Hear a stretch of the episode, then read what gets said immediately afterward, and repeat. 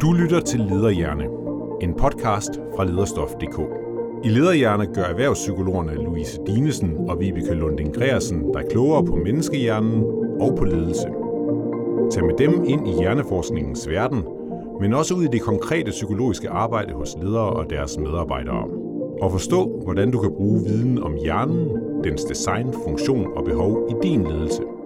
Velkommen til. Vi sidder her i vores supervisionsrum, Vibeke, mm. øh, og er i gang nu. Jeg har lige taget noget kaffe. Ja, og jeg har Så- selvfølgelig taget cola. Du har selvfølgelig... Nej, for det er jo ikke rigtig cola.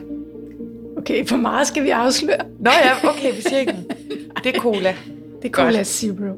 Ja, nu sidder ja. vi her sammen og er Ja. dumpet ind her i et lokale i fællesskab. Så vi arbejder ikke hjemmefra. Nej, arbejder du ellers hjemme en gang imellem, Louise? Ja, det gør jeg. Ja, Og jeg sætter stor pris på det, særligt når mine to piger ikke er hjemme. ja. Har du altid gjort det? Mm, nej, det er faktisk... Øh, nej, det har jeg ikke. Det var slet ikke noget, øh, vi gjorde som konsulenter. Da jeg arbejdede tidligt i min karriere som konsulent, der kunne man, altså, det var ikke noget, vi gjorde. Arbejdede hjemmefra. Vi arbejdede nogle gange på caféer og til og fra og fandt et sted og sådan noget med i fællesskab. Men øh, i de senere år, øh, og efter jeg blev leder og sådan noget, så prioriterede jeg faktisk indimellem at arbejde hjemmefra. Og efter corona, pandemien, så er det jo blevet særligt udtalt. Ja. Altså, jeg vil sige, jeg har altid haft en fortælling til mig selv om, at jeg ikke kunne finde ud af at arbejde hjemme. Det har, jeg Har altid du? været, ja, det har jeg altid sagt til mig selv. Det er jeg ikke. Jeg arbejder ikke godt hjemme. Men i går arbejdede du hjemme, det gik da godt. Ja, jamen, jeg lærte jo også noget under corona, selvom vi jo faktisk ikke lukkede ned hos os. Øh, så, så, så jeg arbejdede faktisk ikke specielt meget hjemme under corona. Du har jo Mindwork, hvor der sad psykologer, og jeg ved jo, Ja. fordi jeg arbejder så tæt sammen med dig, at I var på hårdt arbejde også under corona, Mm. mm. så I var faktisk inde under pandemien. Ja, og det er jo også nemmere. Vi er jo alle sammen hver vores kontor, så på den måde kunne vi jo holde afstand på kontoret. Men, øh, så det var ikke der. Men, men så jo alligevel, som vi kom lidt derhen af, så, øh, så begyndte jeg indimellem at arbejde hjemme, og jeg har faktisk fundet ud af, at det kan godt. Og det kan godt fungere, øh, men jeg skal ikke gøre det for, for... Jeg skal finde en god balance i det. Ja. Der er nogle ting, jeg kan arbejde hjemme med, og så er der nogle ting, hvor at jeg, har, jeg har brug for og den energi, jeg også får af at være sammen med mine kollegaer på kontoret. Så i dag skal vi tale om hjemmearbejde, mm. vi, vi skal tale om det fleksible arbejdsliv, og hvad ledere og chefer dog stiller op med det her med fleksibiliteten. Også faldgrupper, hvor kan det gå galt? Ja, Og hvordan, præcis. hvad siger forskningen egentlig om det at arbejde hjemme? Fordi vi har, det er jo sådan, så der er både medarbejdere ledere, arbejds, hele arbejdspladser, der har fået øjnene op for, at nu er der altså her efter corona nye erfaringer, nye måder at arbejde på. Så øh, nu står vi på, øh, vi står et nyt sted, og skal til at træffe nogle nye beslutninger ledelsesmæssigt i forhold til det her med fleksibilitet og nye måder at arbejde på. Og det har vi, jo lavet en hel episode om i dag. Ja. Så jeg kunne godt tænke mig at starte med at spørge dig, øh, og der er en grund til, at vi har lavet det. Det er fordi, det dukker op hele tiden, ja. Når vi er ude. Både ude i virksomheder, når vi taler med ledere. Øhm, Så Louise, hvad oplever du, der fylder allermest for lederne lige nu omkring det her? Jamen, øh, når vi møder dem, så handler det ofte om øh, tvivl, om nye overvejelser, øh, nye beslutninger, der skal træffes. Hvor meget øh, bør vi arbejde hjemme? Øh, hvornår er det for meget, øh, at vi arbejder hjemme? Hvad kan jeg kræve af mine medarbejdere i forhold til tilstedeværelse og det at opretholde et fællesskab? Mm. Hvad tænker du, Vibeke? Hvad møder du? Jamen, øh, spørgsmål som for eksempel, øh, er der nogle opgaver, der ikke egner sig til at arbejde hjemme? Altså i forlængelse af det her med, hvad kan jeg kræve? Øhm, og så er der også øh, sådan noget, en, en, en bekymring for, selvom at, at det rigtig mange steder gik jo godt under nedlukningen, øh, så kan der godt være en bekymring for, øh, om det bliver ved med at gå godt, hvis vi fortsætter med, med, med den fleksibilitet. Ikke? Ja, og så er der jo hele spørgsmålet om, som jo virkelig er op i tiden, følgeskab, og hvordan vi gør det attraktivt Ja. at komme på kontoret, hvordan arbejdspladsen bliver den klub, man ikke vil hjem fra, eller det fællesskab, man har lyst til at være en del af, og man oplyser det, når man slipper Mm. for meget. Og der er jo ikke, øh, der er mange spørgsmål, og der er ikke nødvendigvis svar på dem alle sammen. Der er jo rigtig meget, der er uklart, og der er meget, vi ikke ved endnu. Og så er jo vildt mange forskellige tilgange til det. Altså virksomheder har forskellige tilgange. Ja. Øhm, så, så jeg tænker også, der er ikke, der er ikke én løsning, der passer til alle, og vi skal virkelig lære noget øh, af det. Ja. Øhm, og det er interessant at se de her mange forskellige øh, tilgange til fleksibilitet. Ikke? Og man siger jo også inden for arbejdsmiljøforskningen og interventioner, at interventioner skal, eller beslutninger omkring det, man gør, skal tilpasses til den konkrete kultur mm. og den konkrete organisation, så vi kan ikke bare lave de her one size fits all. Men Kodan for eksempel, de har tilbudt sådan et slags flexordning, så man kan arbejde hjemme to dage om ugen, hvilket 80 procent, altså hele 80 procent af medarbejderne faktisk ønskede, ønskede ikke? Og statslige arbejdspladser, øh, der er det ofte sådan, at der er det chefen, der skal give lov, der skal man aftale det med sin nærmeste leder. Og TDC Net, her er det muligt at arbejde op til fem dage om ugen, altså hjemme, Mm. mange dage, og bare man aftaler det med sin leder. Ikke? Jo, og det er jo virkelig interessant, for der er jo nogen, altså der, der er jo mange erfaringer, vi høster ud fra, øh, fra nedlukningerne, ikke? Og nogle steder, der har man jo været virkelig hurtige og tænkt, det her, det fungerer super godt, så nu opsiger vi nogle af vores kontordomiciler, sådan, så vi kan reducere de udgifter, vi har til kontorpladser. Og, og det kan godt være, det er en god idé nogle steder. Jeg tænker, man skal være varsom, for vi har lært. Det tænker jeg ikke? også.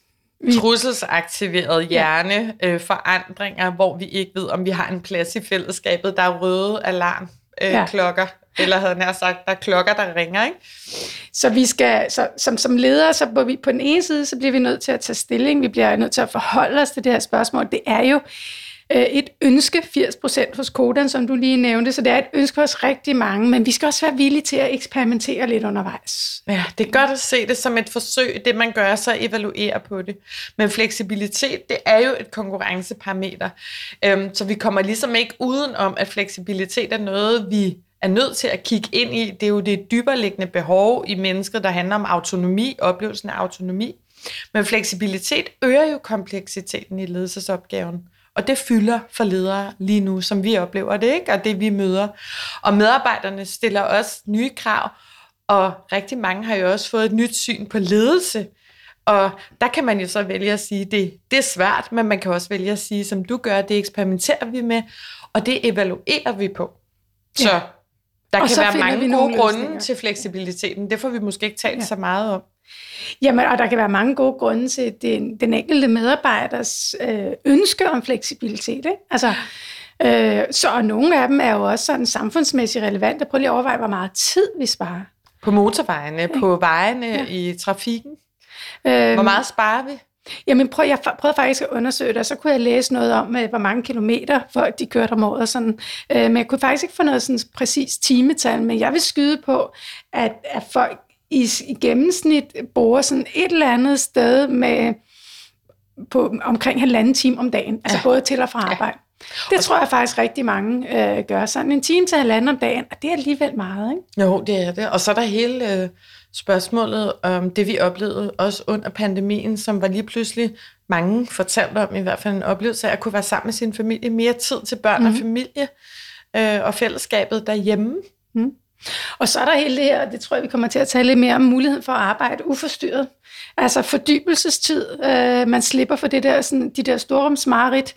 Nu skal vi nok ikke komme for meget ind på, fordi det, det kunne være en episode helt for sig selv. Ikke? Ja, storrumskontoret. Ja, jeg plejer at sige, at... Øh, Jeg har lige i dag haft, ah, men det er en frygtelig historie, men det handler om storrumskontoret, og inde midt i det her storrumskontor, der sidder så en tyrannisk chef og overvåger medarbejderne, ikke? ja. Øh, hvor at arbejdsmiljørepræsentanten kontaktede mig og sagde, hvad stiller vi op? Det, de er jo bange, når de går ind i storrumskontoret. Ikke? De bliver overvåget, alt de gør. Øh, puha. Men Så, jeg plejer at sige, ikke, jeg plejer at sige, at vejen til storrumskontoret er belagt med gode intentioner, men det var vejen til helvede også. ja, puha. ja, der er nok forskellige erfaringer, men det vi ikke kommer udenom, det er jo, at den her fleksibilitet er afgørende. Oplevelsen af autonomi, frihed, er et behov, som driver os mennesker. Mm. Så Pointen er, tror jeg, Louise, vi skal gøre det klogt. Ikke? Altså, vi skal, vi skal bruge øh, visdom ikke, nu er det et stykke tid siden, vi har talt om compassion, men det er jo en af kvaliteterne af compassion. Vi det skal er jo tænke os om. visdom. Ikke? Så vi skal, vi skal tænke os om. Øh, og vi skal skabe kloge, vi skal skabe langsigtede, øh, bæredygtige forandringer, og det der med at eksperimentere, som, som vi lige har talt om, ikke? At eksperimentere, evaluere, øh, lave forsøgsordninger, kan være en vej. I bund og grund, så skal vi tage det bedste før og under pandemien, og det skal vi forene i de her stærke løsninger for både øh, ledere og medarbejdere, men selvfølgelig også for forretningen, for der er mange hensyn, der skal tages i det her. Mm. Og nu øh, er det jo sådan, at et af vores elementer i vores øh, supervisionsrum her, det er, at vi hopper ud i laboratoriet eller ind i forskningen. Så det synes jeg også, vi skal prøve at gøre nu, Vibeke, og prøve at kigge på, øh, hvad er det med den her fleksibilitet, og hvad er det, vi skal være opmærksomme på. Og et spørgsmål, vi stadig hører, handler om, hvorvidt det overhovedet altså er muligt at lede på afstand. Så lad os gå dybere ind i forskningen. Er det det? Vi, ja, selvfølgelig er det øh, selvfølgelig er det muligt at lede på afstand. Vi har været vidne til ledere, der har udført en kraftpræstation under distance, altså med lidt distanceledelse her gennem de sidste år. Og de har jo bedrevet både kriseledelse, personaleledelse, støttende ledelse, fagligt ledelse på et meget højt niveau. Og vi har talt om tit, Vibeke, mm. vi har været dybt, dybt imponeret af de ledere, vi har talt med, og som vi har rådgivet og fuldt under krisen. Og når det så er sagt, så stiller fleksibilitet også nye krav til lederne. Og der er udfordringer forbundet med både at have medarbejdere på kontoret på distancen og skulle tage stilling til de ting, vi lige har talt om. Så Vibeke, nu øh, har vi jo kigget ind i øh, forskningen på det her område, så kunne du ikke prøve at sige lidt om, hvad er det, vi skal være opmærksomme på som ledere, når vi arbejder med fleksibilitet? Mm. Der er jo, ja, som du også siger, der er jo tusind ting, vi skal være opmærksomme på, men en af de ting, som vi skal være særligt opmærksomme på, øh, det er, og, og som vi jo skal arbejde med, det er en form for ubevidste bias, som man kan kalde nærhedsbias. Det skal du forklare. Ja, det er meget interessant faktisk. Øh, vi har, og det her det er ikke studier, der er lavet under pandemien, det er fra før pandemien det her. Der vi har altså studier og undersøgelser, der viser, at selvom medarbejdernes præstationer og produktivitet stiger, når de arbejder hjemme, så er lederne tilbøjelige til at overse dem. Overse dem? Overse ja, dem simpelthen, ja. Og det handler ikke om, at man ikke lige øh, får ringet nok til dem. Altså det her, det som studierne viser, det er, at det har deciderede karrieremæssige konsekvenser. Øh, for, for de medarbejdere, der arbejder hjemme, de bliver simpelthen forbigået i forbindelse med forfremmelser. De får ikke den samme andel i gode opgaver, og de får også mindre andel af lønforhøjelserne. Så, så det er altså konkrete, helt håndgribelige konsekvenser, det her. Nærhedsbias. Nærhedsbias.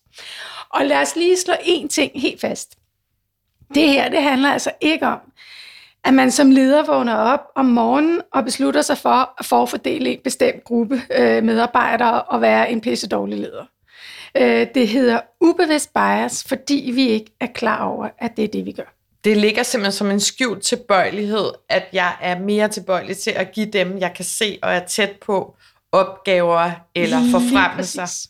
Det er derfor, der er mange, der siger, at vi bliver altid til sent, fordi så er cheferne færdige og lederne færdige med møder, og så kan vi tale med dem, og så får vi typisk der om eftermiddagen øh, de gode opgaver, og alle dem med børn, de er skrevet. ja, lige præcis. Altså, det, men det er meget præcis, Louise, fordi nærhedsbias handler om den her helt menneskelige tilbøjelighed, vi har til at være mest opmærksom på dem, der er tættest på os. Øh, hjernen får lynhurtigt kategoriseret dem, der er fysisk tæt på os, som vores indgruppe, og jo mere vi ser dem, jo mere positivt vurderer vi dem. Og det er også meget nemmere jo at give opgaven til, øh, til Maria, der sidder lige ved siden af, end at skulle indkalde... Øh, du ved, Peter til et teamsmøde for at tale med ham om den. Så det er helt naturligt, det er helt menneskeligt. Men hvis vi ikke er opmærksomme på det, så kan det altså resultere i, at vi træffer beslutninger på nogle grundlag, der ikke nødvendigvis understøttes af, af fakta, og som heller er ikke er, er rimeligt i forhold til medarbejderne. Så det her, det skal vi forebygge, øhm, hvis vi skal undgå, at det får negativ betydning. Altså både for den enkelte medarbejder, men jo også for performance. Gruppen. I virkeligheden. Gruppen. Ikke? Engagement. Ja. Fastholdelse. Så der er mange andre øh, udfordringer, Louise, jo, ikke? Men de er vigtige, dem der. Ja. Og det er, jo, det er jo sindssygt vigtigt. Og det får mig også til at tænke på, at et af de dilemmaer, jeg oplever, når jeg taler med ledere, det er den her oplevelse af uretfærdighed, som kan, kan møde dem, at medarbejderne oplever uretfærdighed i arbejdet. Og når vi oplever uretfærdighed, så kan det påvirke øh, vores trivsel, og det kan jo også påvirke performance. Så her skal vi jo passe på som ledere, at vi ikke, uden at vi vil det, kommer til at skabe oplevelser med uretfærdighed. Vi ved, at oplevelsen af uretfærdighed faktisk kan producere belastningsreaktioner og give stress over tid. Ja. Øhm, så øh, det er altså værd at tænke over, og vi skal passe på med øh, den her bias, som du så taler ind i her. Mm. Og jeg synes, det er en virkelig vigtig opmærksomhed i det hele taget. Prøv, vi ved det alle sammen godt, hvis vi mærker efter, hvad uretfærdighedsfølelsen gør ved os. Øhm, og det er super interessant, fordi jeg læste for nylig en artikel, øh, der rent faktisk øh, viste, at uretfærdighedsfølelsen er en af de stærkeste negative følelser, vi har. Den øh, aktiverer de samme områder i hjernen som vemmelse. Mm. Og det er jo øh, altså Afsky. også en, mm. ja, og det er nogle af de der sådan op, øh, følelser, som er meget svære at udslukke, også gennem øh, terapi. Og hvis vi tænker over det, så er det jo også uretfærdighedsfølelsen, der har været drivkraften gennem mange meget øh, væsentlige menneskelige øh, handlinger. Ikke? Opgør, øh, revolutioner, kampe, Både krig. velgørenhed og krig. Ikke? Ja, både altså, velgørenhed og krig. Ja, ja, lige præcis. Så vi kan jo godt tænke på fleksibilitet på andre måder. Altså hvis vi skal tænke, at vi vil gerne skabe retfærdighedsfølelse, vi vil gerne skabe, skabe oplevelsen af retfærdighed på arbejdspladsen. Så udover at tjekke ind med medarbejderne, om de rent faktisk oplever, det, der sker, er retfærdigt, det gør alt for få ledere. Det opfordrer vi dem indimellem til, går ud og tjekke af, er det retfærdigt, det der sker, så kan man jo arbejde med øh, fleksibel arbejdstid, man kan arbejde med, hvordan vi tilrettelægger ferier, øh, hvordan vi øh, tilrettelægger videreuddannelse. Der er andre ting at gribe i, øh, når vi skal tale fleksibilitet, så der er mange komponenter, man kan skrue på, og det, der er interessant, er jo at spørge sig selv, øh, er, hvordan går det med retfærdigheden her hos os? Jeg synes, det er meget vigtigt, fordi det, du taler om der, det er jo også noget med at huske på, at det er ikke alle, der har den luksus at kunne arbejde hjemme. Nej, netop. Så, så de, for, for de grupper, der ikke kan arbejde hjemme, der er de ting, du siger, det er jo simpelthen så vigtigt, Louise. Ja. Og der er store grupper af samfundet, vi har overset, øh, tror jeg også, øh, under pandemien i forhold til, at de har stået ude i frontlinjen og været på, på, på, og hvilken fleksibilitet er de blevet tilbudt. Nogle oplever ingen. Men en anden del af hele ledelsesopgaven, når vi nu taler om det fleksible arbejdsliv her, det handler jo også om at kunne som leder og, og arbejdsplads rumme forskellige behov og forskellige præferencer, som du siger også, i, i sådan en opgørelse af at tage hensyn stadigvæk til de opgaver, som skal løses. Og der er det jo det her med imødekommelsen af individu, altså de her individuelle behov, kan have stor betydning for os, både i forhold til vores trivsel og også i forhold til vores øh, performance. Og det der med at tage hensyn til den enkelte, der kan vi jo prøve at kigge på, vi kan sammen her i samtalen, hvad er det, vi skal være opmærksomme på? Mm. Hvad er det, der er vigtigt? Ja. Hvad tænker du der? Jamen, jeg tænker jo i virkeligheden, balancen og vi, mm. er vigtigt, og vi, vi skal måske tænke det her ud sådan for forskellige niveauer. Altså man kan både tænke det på individniveau, man kan også tænke det på gruppeniveau, på organisationsniveau. Øhm, og hvis, øh, hvis jeg skulle starte med at sige noget på, øh, på individniveau, så, så, er der, så er der noget her, der også handler om, at vi skal tænke i, øh, i livsfaser. Der er jo stor forskel på vores behov, afhængig af, om man er en ung medarbejder, der bor alene, om man er småbørnsfamilie, om man er nyskilt, eller om man er nået dertil, hvor børnene er flyttet hjemmefra. Det vil jo påvirke vores, for eksempel vores behov for hjemmearbejde. Øh, vi kunne have været påvirket en del af det. Ikke? Så, så det er jo vigtigt som leder løbende at tjekke ind, lave, være forvent, lave forventningsafstemning med medarbejderne, invitere til de her samtaler, hvor vi kan undersøge medarbejdernes behov med udgangspunkt i deres aktuelle situation. Så, så det er noget, vi kan være opmærksom på på individ og, ja, der tror jeg faktisk, hvis vi skal prøve at kigge ind på gruppeniveau, der tror jeg øh, faktisk, vi skal blive bedre generelt til at sikre en sammenhængskraft i grupperne, hvor der opdyrkes en form for øh, kan man sige, kollektiv forståelse for forskelligheder. Altså det her med at arbejde kollektivt med, at vi er forskellige, vi er i forskellige livsfaser, vi er måske også forskellige generationer, vi er forskellige steder i livet. Øh, og det her med at kunne rumme forskelligheder, øh, og samtidig sikre, at vi er sammen om opgaverne, øh, tror jeg både, vi har været for dårlige til, øh, når vi kigger på arbejdsmiljøområdet i hvert fald, men også i ledelse. Og jeg tror, at det kan give os rigtig meget at begynde at gøre det. Mm. Jeg tror, en vigtig opmærksomhed i det hele taget, når vi taler om, om fleksibilitet, i hvert fald den her del af det, der handler jo mest om tid og sted, altså muligheden for at arbejde hjemme. Øh, det er også, at vi skal, vi skal huske på, at vi også har et ansvar for fællesskabet. Så selvom man måske er et sted i sit liv, hvor det giver virkelig, virkelig god mening at arbejde hjemme, så skal vi bare stadig huske, at 20 procent af danskerne bor alene. Øh, og at ensomhed jo faktisk er en, et væsentligt forhold. Øh, for mange, der bor alene, kan få kontakt til ensomhedsfølelsen. Så vi bliver nødt til også øh, at have et ansvar for det ja. øh, fællesskab, som arbejdspladsen er. For nogle af det er jo deres primære kontakt til andre mennesker. Ja. Så vi kan godt bruge arbejdspladsen og fællesskabet der til at tage et ansvar ja. i samfundet, og tage et ansvar for hinanden, også selvom vi måske selv har nogle præferencer, der trækker i en anden retning. Øh, vi har lige talt om i en tidligere episode, at vi jo kan dø af ensomhed. Så øh, hvis vi kan bidrage til, at andre trives og ikke udslukkes, så, øh, så, så, er det, så er det godt givet ud. Og så er der jo også hele organisationsniveauet. Hvad gør vi som, som virksomhed eller organisation på organisationsniveauet? Og her handler det jo ofte om tydelighed og gennemsigtighed i forhold til, hvad arbejdspladsen prioriterer.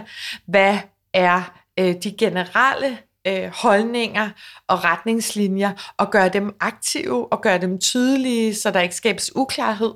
Og lige sådan i forhold til det at lave nyansættelser, onboarding-procedurer, at vi både måske der hører om tidligere erfaringer, hvad har øh, dem, der bliver ansat hos os, af tidligere gode erfaringer, hvad kan de tilføre organisationen, men også at vi sikrer os, at man bliver introduceret til de normer, retningslinjer og regler, også de uskrevne, for hvad der er god praksis omkring fleksibelt arbejdsliv, så er der også et organisatorisk niveau. Ikke? Så nu har vi været omkring individniveau, gruppeniveau og organisatorisk niveau. Ja, og på det organisatoriske niveau, lige, hvis vi skal lige lave knytte øh, sådan en tråd tilbage til det, vi talte om før, det er jo så også på organisatorisk niveau, at man skal kan skabe en klarhed omkring, at vi faktisk øh, vi arbejder med at prøve det her af, vi arbejder med nogle forsøgsordninger, vi evaluerer, også for, hvis vi så finder ud af, at det her godt virker, det virker rigtig godt for nogle få, men det virker faktisk ikke godt for, for flertallet, eller der er nogle udfordringer i forhold til forretningen, jamen så er det meldt tydeligt ud, så man ikke rammer ind i uretfærdighedsfølelsen for før, hvis vi lige pludselig folk oplever, at noget bliver taget fra dem. Ja. Og tit tænker jeg på, Vibeke, ja, øh, og nu er det her jo også på en måde vores supervisionsrum, ikke? hvor mange ledere, der egentlig burde få supervision i grupper, ligesom vi får det som psykologer, så man kan evaluere, og man kan vende, og man kan overveje, og man kan se på, hvordan er det, tingene virker, baseret på cases. Ikke? Nå, men vi skal altså videre ud i virkeligheden nu. Ja. Uh, endnu videre ud i virkeligheden. Ud i praksis. Ja. ja. Og øh, Vibeke, her har jeg øh, et spørgsmål til dig, som jeg har tænkt over. Hvordan kan man som leder helt konkret fremme trivsel og performance i et fleksibelt arbejdsliv? Øhm, det synes jeg er et rigtig godt spørgsmål. Husk, jeg sagde helt konkret. Helt konkret, ja. øhm, så helt konkret, men lige et skridt op i helikopteren, selvom det er helt konkret. Ja. Jeg tænker, øh, vi skal tænke, vi skal også tænke fleksibilitet i forhold til kerneopgaven. Det lyder vi, abstrakt. Ja, ja, vi skal, ja. vi, skal, vi bliver nødt til at have nogle samtaler om, hvornår det giver mening, at vi alle er samlet fysisk, og hvornår vi med fordel kan arbejde på tværs af tid og sted. Og der er to ting, som, som jeg ved, vi begge to taler med ledere om lige nu, hvor de netop skal navigere i de her forskellige ønsker, krav og muligheder i forhold til fleksibilitet. Og den ene ting, det er det her med at lade opgaverne være rammen. Og den anden ting, det handler om, øh, hvordan skaber vi så psykologisk tryghed og dermed god performance i de her nye rammer. Og hvis jeg nu sagde lidt om det med opgaverne, så kunne du måske sige lidt om psykologisk tryghed. Hvad siger du til det? Det er en god idé. Okay. Så noget af det, jeg plejer at tale med ledere om, det er det her med, at øhm, selvfølgelig med hensyn til individuelle behov og alt det, vi lige har talt om, så måske også øh, have samtalerne om at tænke i, hvilke opgaver egner sig bedst til hvad. Så hjemmearbejde kan øge både trivsel og produktivitet for nogle øh, medarbejdere, hvis opgaverne for eksempel kræver ro, øh, og fordybelse. Omvendt kan man sige, at der er nogle opgaver, der kræver udvikling og samarbejde, og de egner sig måske bedre til kontoret. Og jeg deler det ind imellem op i sådan tre forskellige typer opgaver, der kan stille forskellige krav. Og der kunne være mange flere, men det er bare sådan for at give nogle overskrifter. Ikke? Så fordybelse og ro, hvis det opgaverne stiller de krav, jamen så kan det måske være fuldstændig fint enten at arbejde hjemme, hvis man har mulighed for det, eller vi selvfølgelig på kontoret sørger for, at der er mulighed for at arbejde uforstyrret øh, og fordybet øh, på kontoret. Så er der opgaver, der kræver koordination. Og der kan man sige, at hvis det er sådan rent koordinerende opgaver, så kan det måske være fint, at det er online. Det kan måske ovenikøbet også være ok, at det er hybride møder. Hvis vi har hybride møder, så synes jeg, at det er meget vigtigt, at vi investerer i god teknologi. Altså prøv nu at høre, vi har jo alle sammen været til de der frygtelige møder, hvor Peter står på en stol over hjørnet, og så skal vi helt ud Nå, hele tiden billede. have Peter med ja, rundt ind i gruppeseancer. Dårlig, dårlig ja. lyd og dårlig billede, og, altså, og det er bare... Peter han ender bare med at blive helt udvasket. Og jeg har det altså helt personligt, ikke? Ej, jeg vil starte med at spørge dig, Louise. Hvordan har du det med hybride møder? Kan du godt lide hybride møder?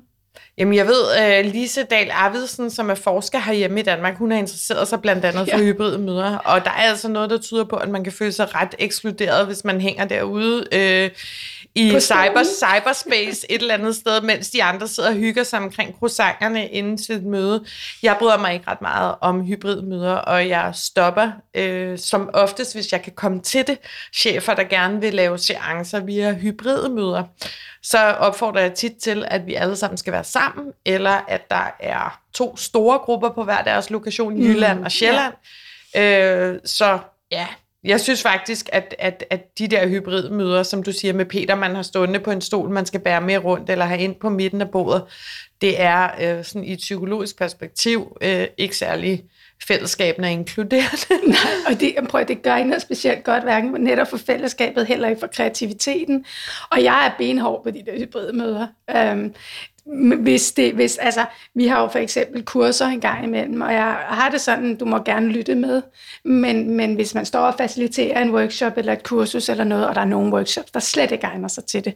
Men hvis det nu er et kursus, hvor det handler om også at lytte til noget viden, så er jeg sådan, jamen lyt gerne, men I bliver ikke, altså, så, vi, jeg kan ikke inddrage, fordi det gør ikke noget specielt godt. For... Men det, der er så vigtigt ved det, du siger her, som vi kan lære af, det er, god facilitering, der rammesætter jo du jo fra start. Vi, du øh, er med i dag, men du kan kun få lov at lytte. Ja. Så har du øh, ikke skabt nogle forventninger, som ikke kan indfries af at blive inkluderet. Og det er ja. jo den forventningsafstemning, som er alfa og omega i både et fleksibelt arbejdsliv, men jo også i forhold til de her mere digitale former for samarbejde. Ja. ja.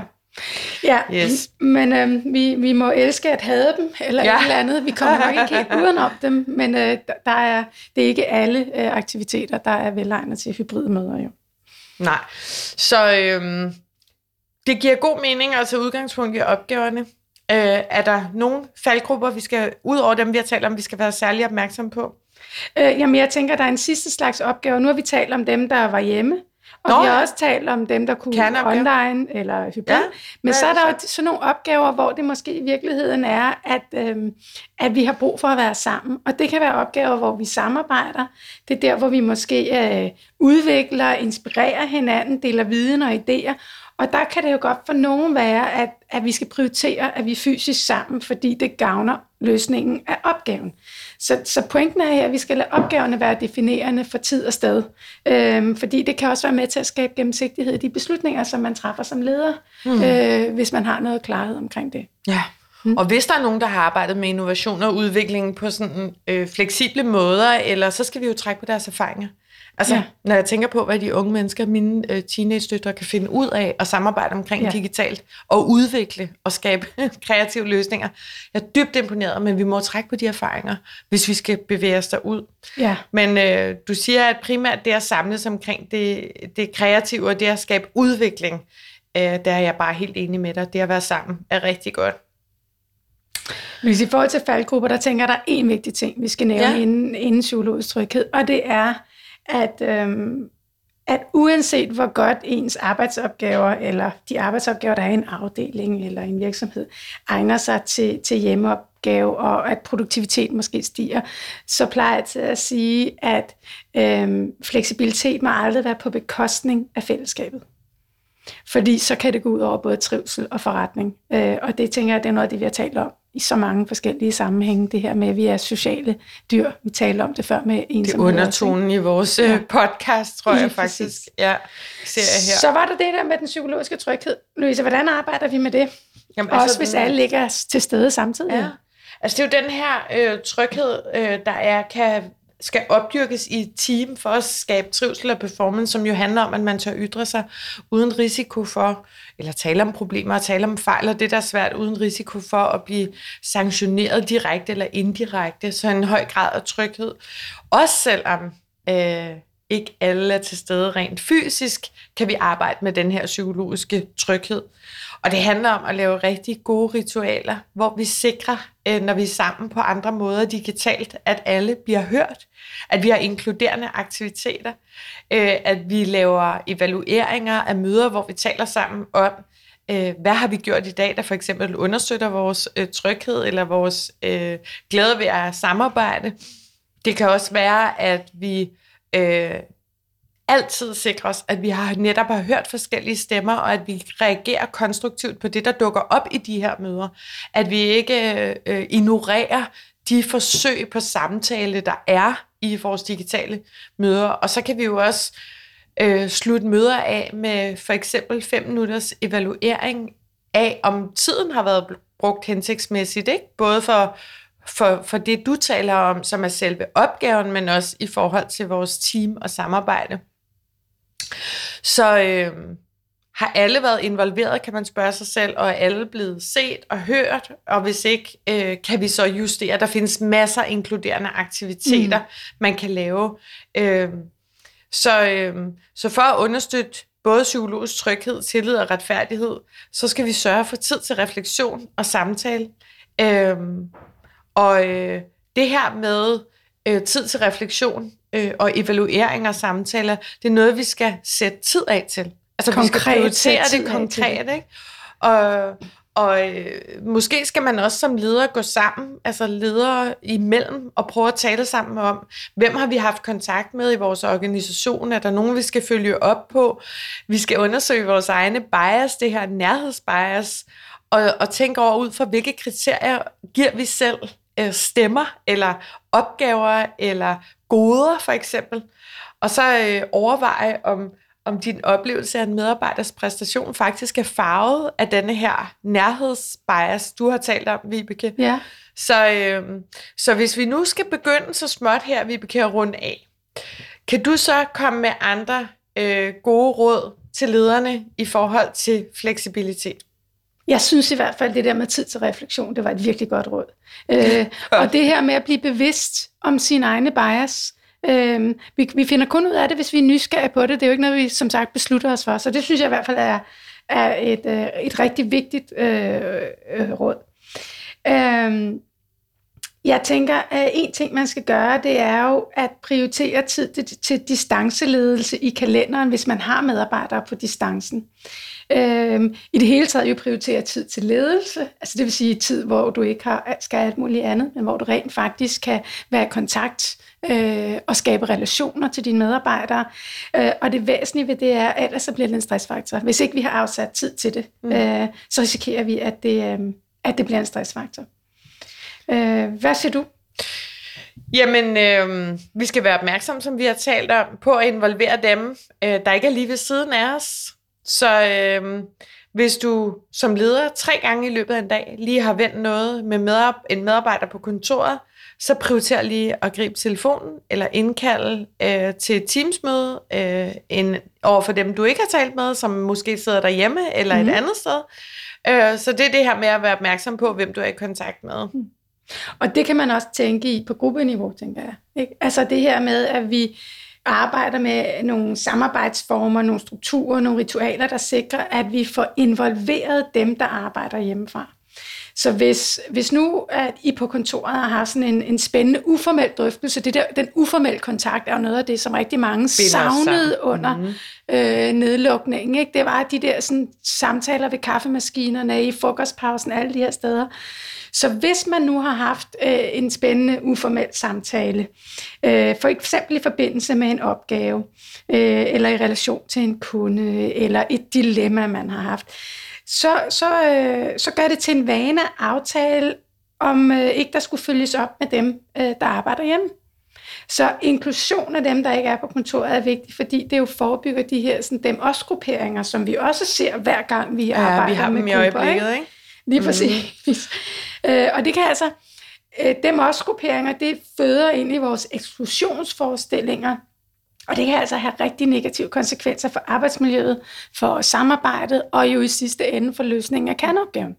Og du starter med at sige noget her, som øh, man kan tænke i som leder. Ritualer, ritualer, ritualer. Ja. Vi mennesker, vi elsker ritualer. Vi kender dem som et kulturelt tilhørsforhold, element i vores kulturelle tilhørsforhold. Øh, og det er både øh, vil sige, gode, vanedannende og stærkt øh, understøttende for vores socialitet og fællesskabsfølelse. Så, så øh, inklusion, ja, ritualer. Og så er det jo det her med, at et stærkt og meningsfuldt øh, fællesskab kan virkelig gøre det attraktivt overhovedet at have lyst til at komme ind på arbejdspladsen.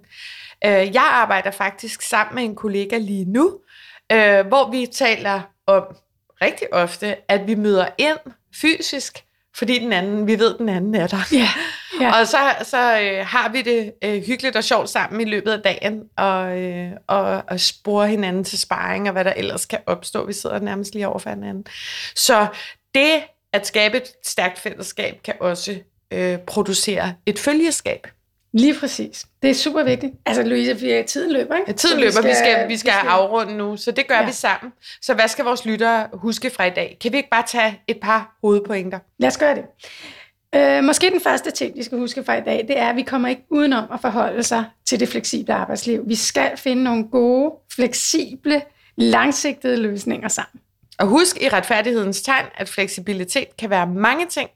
Det kan handle om tid og sted, men det kan også handle om opgaver og alle mulige andre goder, præferencer, øh, som den enkelte har, vi kan tage hensyn til. Der er ikke noget one size fits all i det fleksible arbejdsliv, som vi i hvert fald har talt ind i det. Nej. Og så skal vi huske, at fleksibilitet aldrig må være på bekostning af fællesskabet.